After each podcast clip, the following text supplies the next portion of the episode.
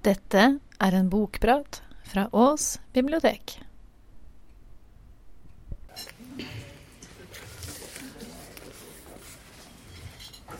Gustav Aschenbach, eller von Aschenbach, som hans navn offisielt lød siden hans 50-årsdag, hadde en ettermiddag våren 19 prikk, prikk, som i flere måneder hadde sett faretruende ut for vårt kontinent, foretatt en lengre spasertur alene fra sin bopel i Prinsen-regentens i München.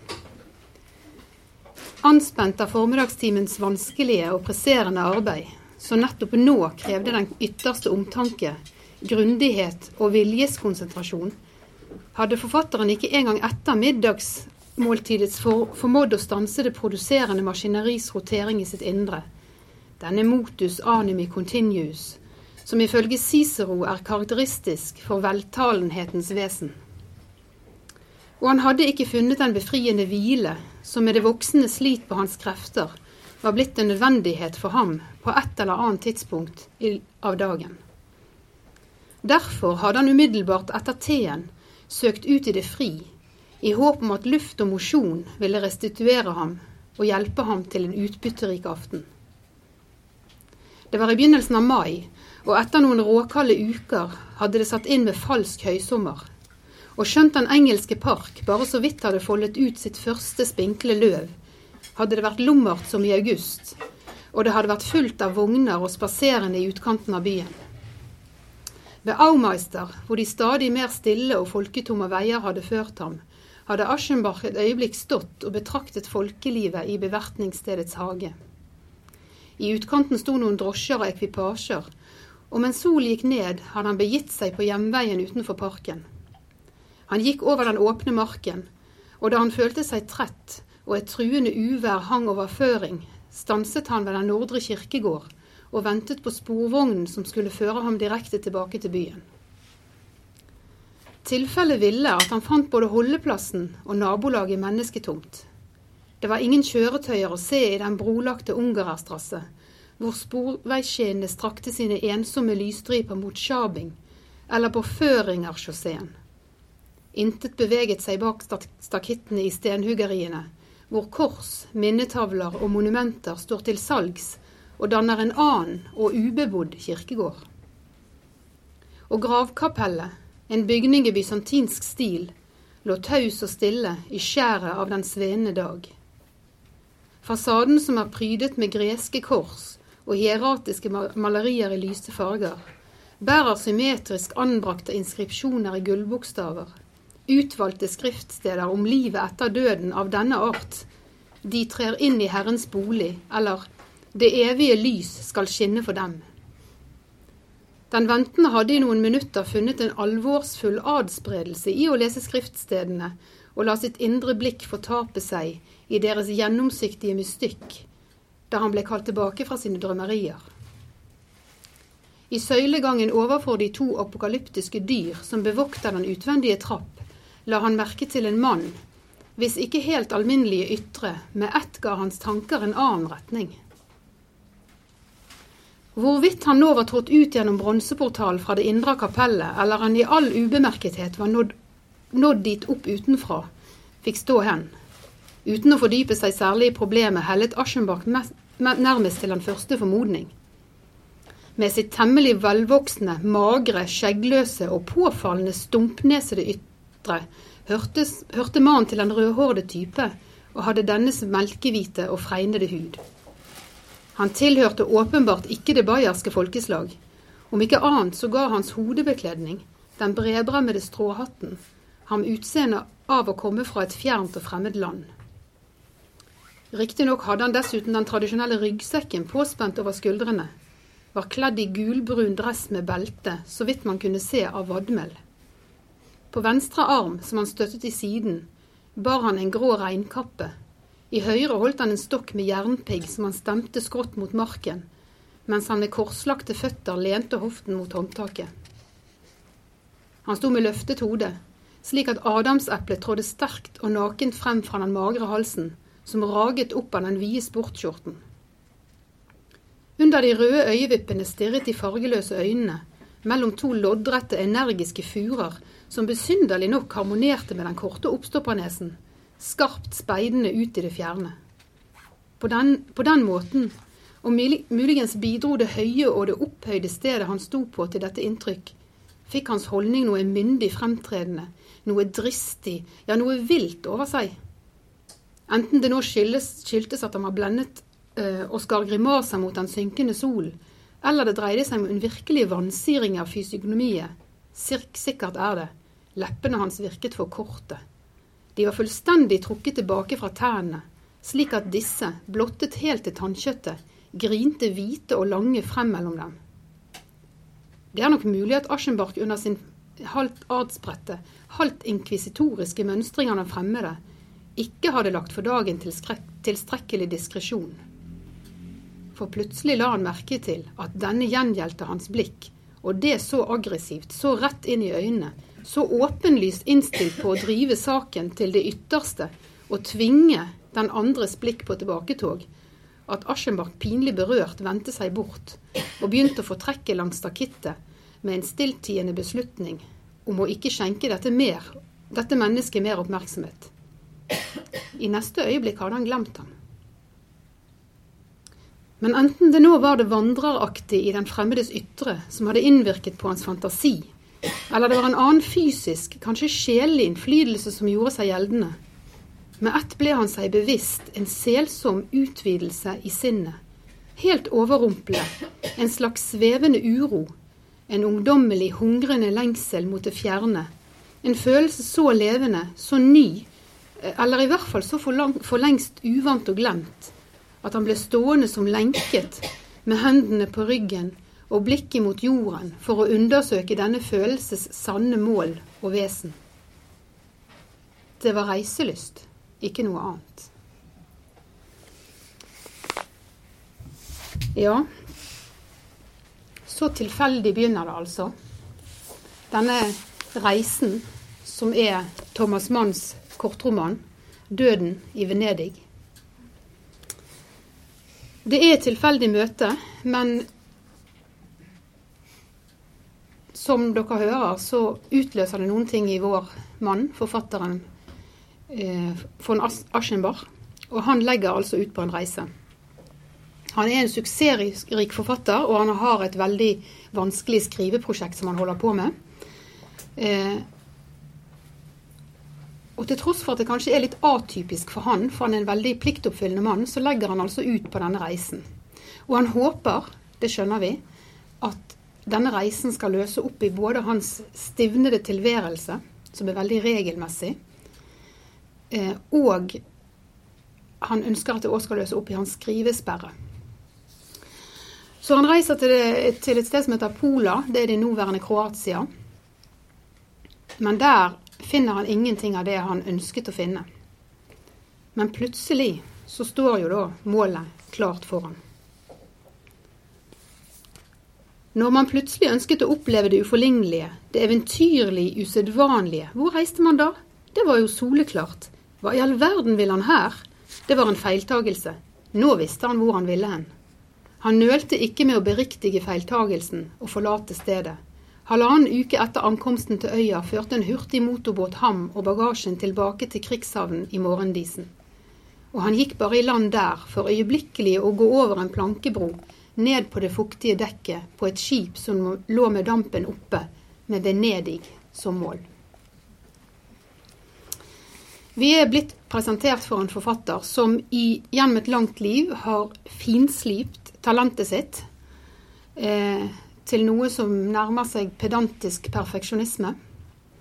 Han er jo blitt adlet for dette, som vi hører. Han heter von Aschenbach nå, etter sin 50-årsdag. Han er ingen rask og produktiv skribent. Han er en sånn som sitter med ren viljestyrke og målrettet arbeid og filer og filer og filer til dess han skaper et kunstverk. Han er en mann som så absolutt lever gjennom intellektet sitt. Alle inntrykk blir silt gjennom et filter av klassisk dannelse. Og han lever i en forestillingsverden som kommer fra antikkens Hellas. Det gjelder òg hans egne reaksjoner og følelser, de blir alltid tolket på, det, på denne bakgrunnen. Så vi kan vel med rette kalle Aschenbach både verdensfjern og en smule overspent. Så nå sitter han altså der på denne båten. Eh, en ganske Det er ikke noe flott passasjerbåt. Det er en ganske sånn traurig båt han sitter på. Og eh, både Der er tredjeklassespassasjerer bl.a. på denne. Eh, og han sitter der på vei til Venezia. Det er jo ordet Venedig, eller betegnelsen Venedig, som blir brukt i denne oversettelsen her. Eh, det er, som dere sikkert allerede har hørt, en slags formell og litt sånn gammelmodig stil i denne oversettelsen. Og jeg har prøvd å finne ut av om når vi sluttet å bruke Venedig og begynte å bruke Venezia. Det er jo en regel i Norge at vi stort sett bruker landets originale navneform på byer, i motsetning til det veldig mange andre gjør, svenskene f.eks. Der heter jo byen fremdeles Venedig. Eh, men jeg har ikke klart å finne ut av når vi begynte å bruke Venezia. Eh, om dette Venedig allerede var gammelmodig i 1963, når denne boken ble oversatt. Men det passer jo veldig godt. Døden i Venedig, ikke sant. Det er en betegnelse. Uansett. Eh, Venedig det kler den formelle stilen i denne fortellingen. Og nå sitter Aschenbach der, på denne korte overfarten over Adriaterhavet.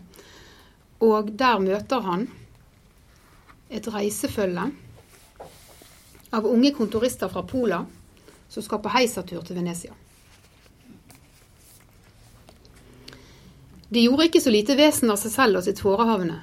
De snakket, lo og moret seg meget over sine egne grimaser og geverder. Bøyd over gelenderet ropte de rappkjeftede hånsord etter kolleger som, for, som, på forretningens vegne gikk nedover havnegaten med mappe under armen og nå truet de ferierende med spaserstokken. En av dem, med lysegul, hypermoderne sommerdress, rødt slips og dristig opprettet panamahatt, gjorde seg bemerket fremfor alle de andre ved sin galne stemme og sin opprømthet. Men neppe hadde Aschenbach tatt han litt nærmere øyensyn, før han med en slags forferdelse ble klar over at mannens ungdommelighet var påtatt. Han var gammel. Det var ingen tvil om det. Han hadde rynker om øyne og munn. Kjenenes matte karmosin var sminke. Det brune håret under stråhatten med det fargede bånd var parykk. Halsen var innfallen og senet. Den lille krøllede snurrebarten og fippskjegget var farget. De gullige, fulltallige tannradene som ble synlige når han lo, var et billig gebiss, og hendene som var prydet med signetringer på begge pekefingre, var en oldings. Fylt av avsky betraktet Aschenbach ham og hans vennekrets. Visste de, eller la de ikke merke til at han var gammel, at han med urette gikk kledd på deres lapsede og brogede vis, med urette tedde seg som en av dem? Det lot til at de på en selvfølgelig og likefrem måte så ham i sin midte, at de behandlet ham som en av sine likemenn, og uten uvilje gjengjeldte de spøkefulle puff han ga dem i siden. Hvordan kunne det skje? Aschenbach holdt hånden for panen og lukket øynene, som sved av mangel på søvn. Det forekom ham at alt var annerledes enn ellers. Det var som om verden ble fremmedartet og besynderlig og begynte å anta forvridde former, som i en drøm, som kanskje kunne bringes til opphør hvis han bare skygget for ansiktet og så seg om på ny. Aschenbach han reiser til Venezia til tross for at han har vært der før og har måttet forlate stedet. Vi får en veldig følelse av at han opplever det som om byen på en måte har beseiret han. Han tåler rett og slett ikke klimaet der. Han tåler ikke dette her varme og fuktige og stinkende klimaet som kan være i Venezia til tider. Eh, men han er likevel helt sikker på at det er der han må være, og det er den byen han må se. Også denne gangen, når han ankommer da, gjennom eh, på utsiden av lagunen der, altså med båt denne gangen og ikke over land som han har pleid, så blir han helt overveldet av denne atmosfæren i byen. Og Hvis dere har vært i Venezia, så vet dere at det er et veldig spesielt sted. Um, for Aschenbach er ikke dette bare en fysisk følelse. Det er ikke bare noe han kjenner når han puster og han ser solen, sånn, men det er òg en mental følelse for han. Eller kanskje enda mer enn sjelelig, faktisk. Og allerede før han ankommer hotellet, så, så kjenner han seg veldig revet mellom motstridende følelser. At han, han vil og ikke vil på samme tid. Han lar seg ferge over denne lagunen av en litt sånn uhøflig og, og ganske lite tillitvekkende gondolier. Og um, han sitter der i denne båten, denne dra, svarte dragebåten på disse myke putene, og hele tiden veksler mellom mellom disse følelsene av at uh, nå er han på rett vei, og at han faktisk burde foretatt seg noe med denne uhøflige fyren som står der og staker. Han kommer frem uten uhell, og han får et veldig godt rom på hotellet med utsikt utover sjøen.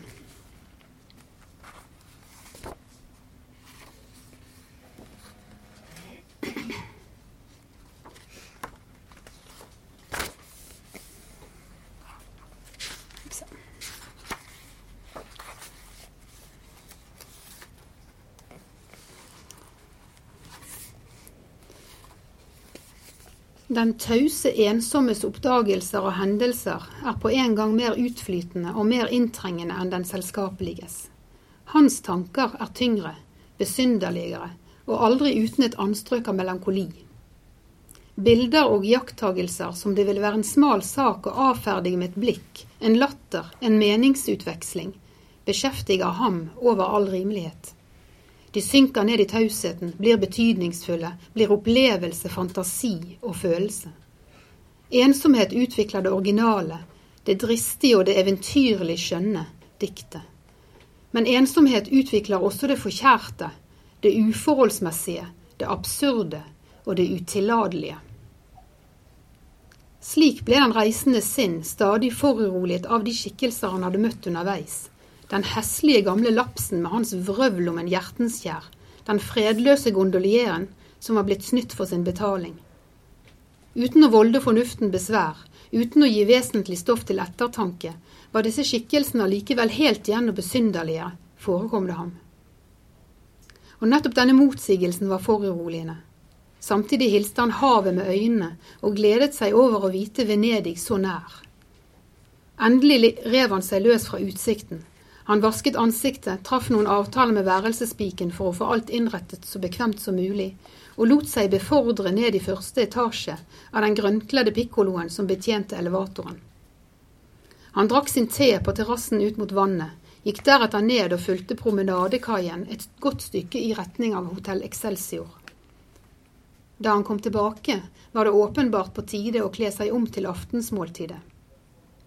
Han gjorde det langsomt og pertentlig, som han hadde for vane, og nådde allikevel litt for tidlig ned i hallen, hvor han fant en stor del av hotellets gjester forsamlet. De var fremmede for hverandre og viste en påtatt gjensidig likegyldighet overfor hverandre, men var allikevel forenet i forventningen om maten. Han tok en avis fra bordet, slo seg ned i en lenestol og betraktet selskapet, som til hans tilfredshet adskilte seg fra det han hadde støtt på tidligere. En større, mer tolerant og vidtomspennende horisont åpnet seg. Lydene av de store språk blandet seg dempet med hverandre. Det internasjonalt anerkjente aftenantrekk, sivilisasjonens uniform, skapte i det rent ytre et ulastelig hele av den menneskelige mangfoldighet. Man så amerikanernes tørre og lange ansiktstrekk, den mangeleddede russiske familiekjede, engelske damer, tyske barn med franske barnepiker. Det slaviske element lot til å være det fremherskende. Like i nærheten ble det talt polsk. Det var en gruppe av halvt, eller neppe helt voksne, i en guvernantes eller selskapsdames varetekt, samlet om et bambusbord. Tre unge piker, fra 15 til 17 år så det ut til, og en langhåret gutt på kanskje 14. Med forbauselse la Aschenbach merke til at gutten var fullkomment skjønn. Ansiktet med den rette nese og den henrivende munn var blekt og yndefullt og unnselig omgitt av honninggule lokker. Det hadde et uttrykk av mildt og guddommelig alvor og minnet om greske billedverker fra den edleste tid. Og skjønt ansiktet frembød den reneste fullkommenhet i form, hadde det, hadde det en så absolutt personlig tiltrekningskraft at tilskueren var overbevist om at han aldri tidligere hadde truffet noe tilsvarende mesterstykke, verken i naturen eller kunsten. Hva som ytterligere slo ham, var at disse søsken syntes å bli kledd og behandlet etter høyst ulike pedagogiske prinsipper. Ekviperingen av de tre piker, også den eldste som kunne regnes som voksen, var enkel og kysk, nesten til ukledelighet. En ensartet klosteraktig drakt, skiferfarget, halvlang, kjedelig og bevisst lite flatterende i snittet, med en hvit foldekrave som det eneste opplivende moment, motvirket og forhindret at skikkelsen kunne verke noe som helst behag. Det glatte håret lå som klebet inn til hodet, fikk ansiktet til å se nonneaktig tomme og intetsigende ut. Det var sikkert en mors vilje som rådet her, men hun hadde ikke engang fått den tanke å anlegge den samme pedagogiske strenghet overfor gutten. Hans tilværelse var øyensynlig omgjeret av ettergivenhet og ømhet. Man hadde ikke orket å la hans skjønne lokker falle for saksen. Liksom bronsefiguren av Torneutdrageren krøllet håret seg ned i panen, over ørene og enda lengre ned i nakken. Den engelske matrosblusen, hvor ermene smalnet sammen nedover og sluttet stramt om de ennå barnlige, men spinkle håndledd, ga med sine snorer, sløyfer og broderier den sarte skikkelsen et preg av velstand og forventhet. Han satt i halvprofil mot iakttageren med korslagte føtter i sorte lakksko. Albuen hvilte på kurvstolens armlen, og kinnet var støttet mot den lukkede hånd. Holdningen var preget av skjødesløs levemåte, og helt fri for den nærmest lenkebundne stivhet som hans søstre åpenbart var blitt vant til. Var han syk? Ansiktshuden var hvit som elfenben og trådde sterkt frem mot hårlokkenes dunkelgylne innramming. Eller var han rett og slett et forkjælet yndlingsbarn, næret av en overdreven og lunefull kjærlighet? Aschenbach var tilbøyelig til å tro det. Nesten ethvert kunstnernaturell har i vuggegave fått en overdådig og forræderisk trang til å anerkjenne skjønnhetens rett til vilkårlighet, og til å bringe et aristokratisk privilegium sin oppvartning og hyllest.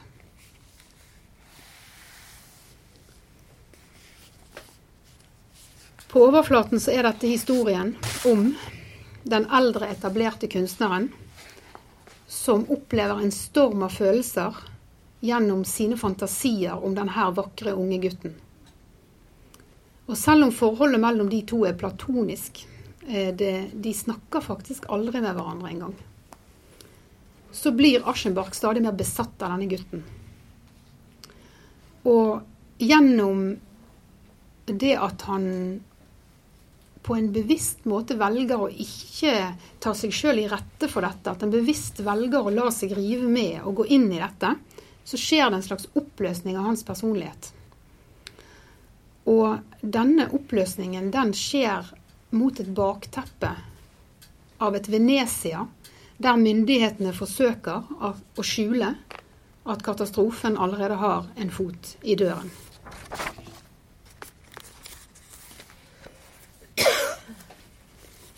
I den fjerde uke under sitt opphold på Lidoen gjorde Gustav von Aschenbach noen uhyggelige oppdagelser som angikk omverdenen. For det første forekom det ham at gjesteantallet på hotellet snarere minket enn øket, til tross for den tilstundende sesong. Og i særdeleshet at det tyske språk syknet helt bort og forstummet rundt ham, slik at bare fremmede lyder nådde hans ører ved bordet og på stranden. En dag hos frisøren, som han nå hyppig besøkte, oppfanget han et ord som fikk han til å stusse. Mannen hadde omtalt en tysk familie som nettopp hadde reist etter et kortvarig opphold, og tilføyde snakkesalig og innlatende Men de, min herre, de nærer ingen frykt for pesten. Aschenbach så på ham. Pesten, gjentok han. Skravlehodet tidde, lot som om han hadde travelt, overhørte spørsmålet og da det ble stilt mer inntrengende, erklærte han at han ikke kjente noe til det, og søkte å vri seg unna med forlegen veltalenhet. Det var ved tolvtiden. Om ettermiddagen reiste Aschenbach i vindstille og stekende sol til Venedig, for hans besettelse tvang ham til å følge etter de polske søsken som han hadde sett slå seg inn på veien til dampskipsbroen sammen med guvernanten. Han fant ikke sin avgud ved San Marco. Men da han satt ved teen, ved det lille runde jernbordet på skyggesiden av plassen, været han plutselig en eiendommelig aroma i luften. Det forekom ham nå at han allerede i flere uker hadde streifet ham som en fornemmelse uten å trenge inn i bevisstheten. En vammel lukt av medisin som minnet om elendighet og sår og mistenkelig hygiene. Han undersøkte den prøvende og gjenkjente den ettertenksomt, betalte regningen og forlot Markusplassen rett overfor kirken.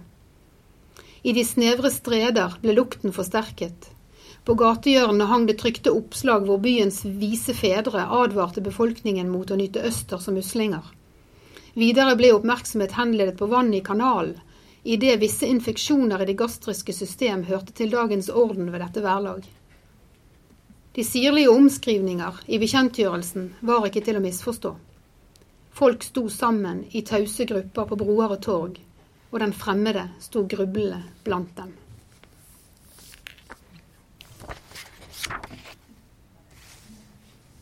Denne boken her, den ble utgitt i Tyskland i 1912.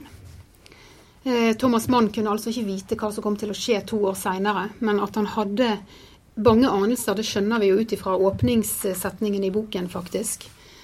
Eh, der han sier at Gustav Achenbach, eller von Achenbach som hans navn offisielt lød siden hans 50-årsdag, hadde en ettermiddag våren 19 prikk, prikk, som i flere måneder hadde sett faretruende ut for vårt kontinent. Så allerede der så har vi denne dette varselet om at noe forferdelig er i emning. Noe forferdelig som forfatteren faktisk ikke hadde oversikt over, verken når han skrev boken i, i 1911 eller når den ble utgitt i 1912. Men han fikk jo så altfor rett. Eh, jeg klarer ikke lese denne boken eh, uten å trekke linjene videre. Så Den melankolien og undergangsstemningen som er så enormt sterk i 'Døden i Venedig', den eh, den blir jo ikke mindre av at vi vet på en måte hva som skjedde med Europa like etterpå. Um, I 1971 så ble det laget en film av denne boken.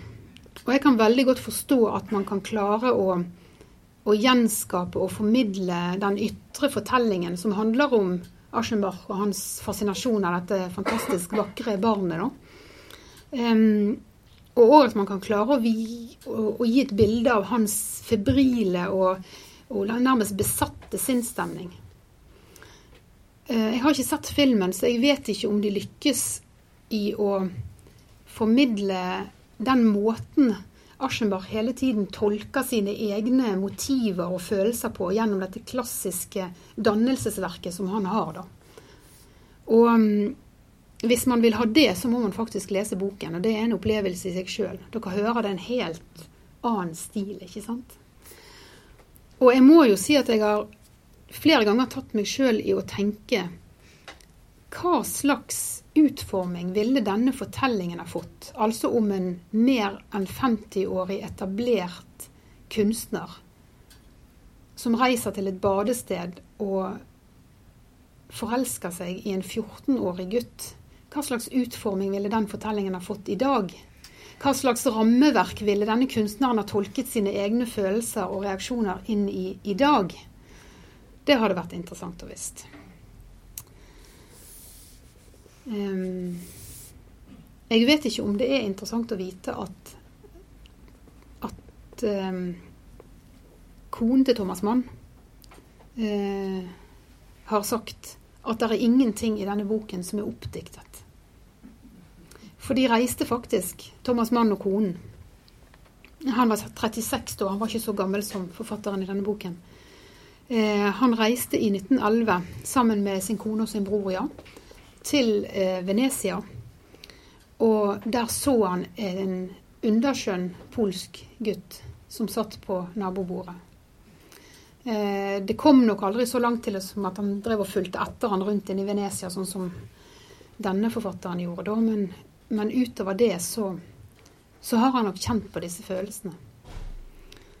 Um, ja. Så en klassiker som er fort å lese. Vel 100 sider i veldig smale sider. Så man får en veldig følelse av en annen tid. Takk for meg. Hum.